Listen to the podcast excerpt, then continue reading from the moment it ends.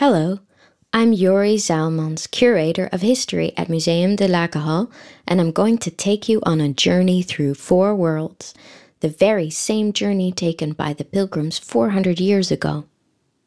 The title of the exhibition is Pilgrims to America and the Limits of Freedom, and it's taking place now because it's been 400 years since the pilgrims arrived in America as settlers and it's a four nation commemoration, which is to say that as well as in America, the anniversary is also being marked in England, where the pilgrims originated, and the Netherlands, where they spent a number of years. But it's also being commemorated by the Native Americans, who saw their homeland and identity being taken away after the pilgrims' arrival. In that sense, it's more of a commemoration than a celebration, which is a new way to look at it. Today, there's more discussion around the impact of this journey 400 years ago, and, well, what's our viewpoint looking back today?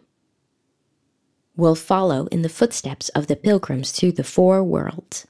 I hope you'll gain a better understanding of how history is made, how history is viewed, how history can be claimed by certain groups, how history can be used, and ultimately of how interesting history can be. But what's particularly important for me is that in the reflection zones, which you'll find in each room and also in the passageway, you'll have an opportunity to reflect on the pilgrim's story and what you would do if you found yourself in the same situation today.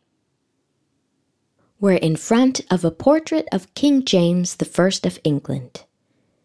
Because of him, the pilgrims no longer felt safe he saw himself as the head of church as well as the head of state, which the pilgrims didn't agree with.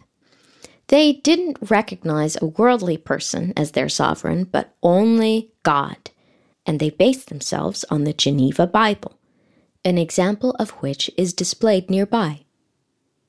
A little further along, you'll see an enormous flag representing an Anglo Dutch victory over the Spanish Armada the flag was won by the English and Dutch, who were fighting Roman Catholicism and the Spanish king. It's a symbol that demonstrated the Reformation was underway in Europe.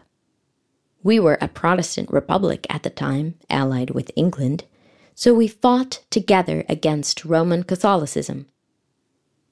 It might be good to be aware of this, the pilgrims must have seen this flag because it had been displayed as a trophy in the Pieterskerk since 1588. The pilgrims arrived in Leiden in 1609, and this flag hanging in the area where they were living would have made them feel at home. A true victory over the impure faith. In every room, you'll find two objects with a star symbol. I'd like to tell you a bit more about their background and significance as well as why they're on view in the exhibition.